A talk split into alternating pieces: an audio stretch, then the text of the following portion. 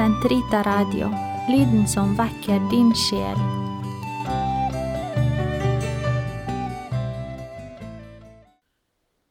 Den katolske kirkes katekisme, uke 19, fredag, paragraf 1996 til 2005. Nåden. Vår rettferdiggjørelse kommer fra Guds nåde.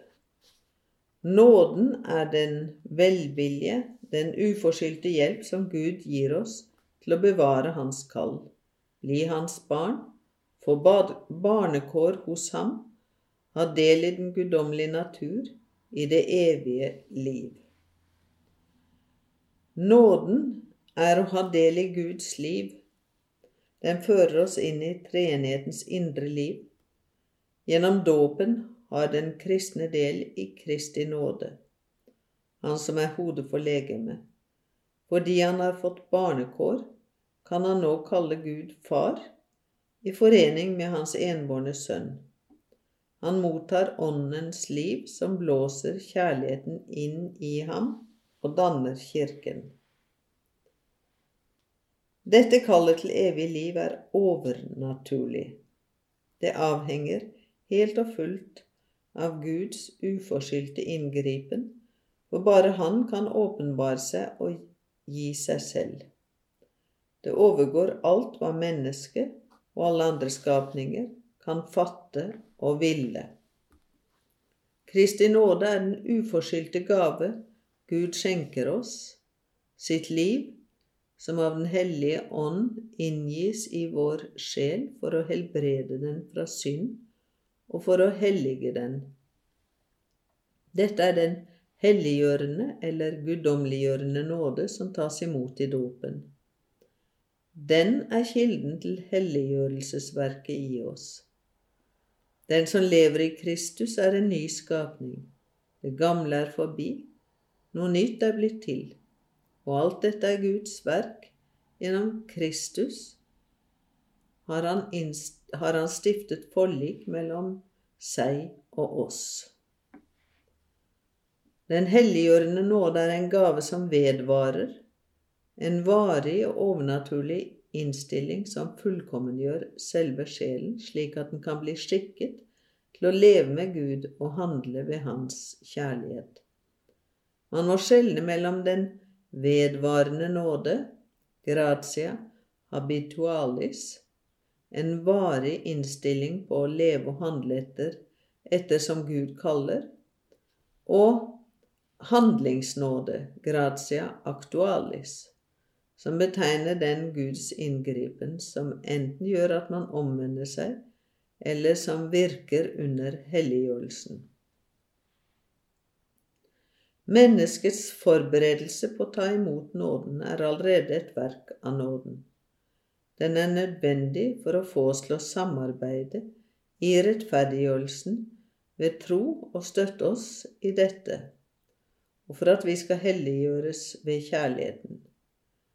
Gud fullender i oss det Han har begynt, for ved sitt virke begynner Han ved å få oss til å ville. Han fullender ved å samarbeide med vår vilje, som allerede er omvendt.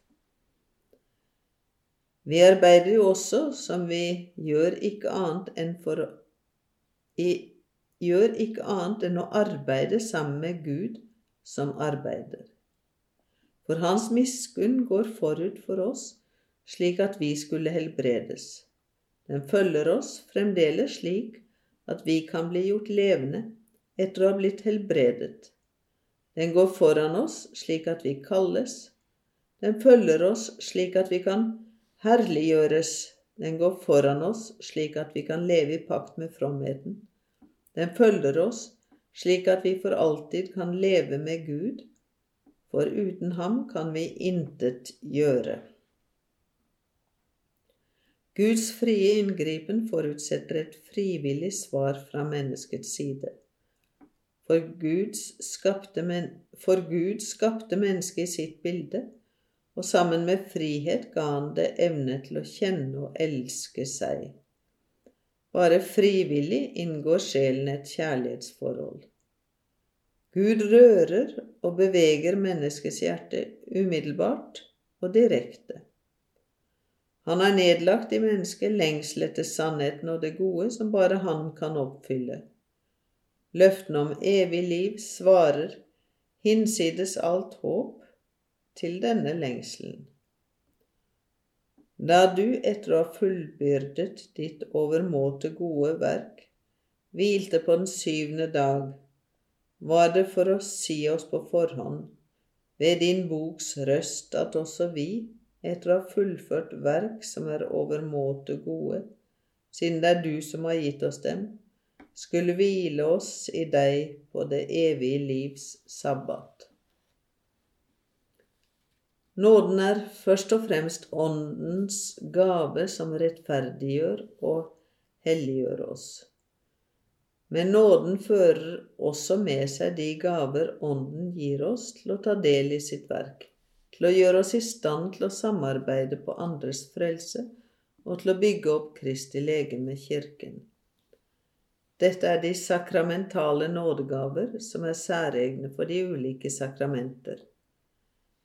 Dessuten er dette de særlige nådegaver, også kalt karismer etter det greske ordet Sankt Paulus benytter seg av, og som betyr velvilje, frigave, velgjerning.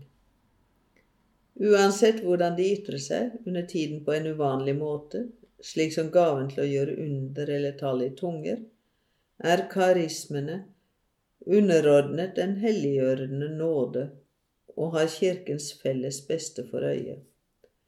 De tjener kjærligheten som bygger opp Kirken.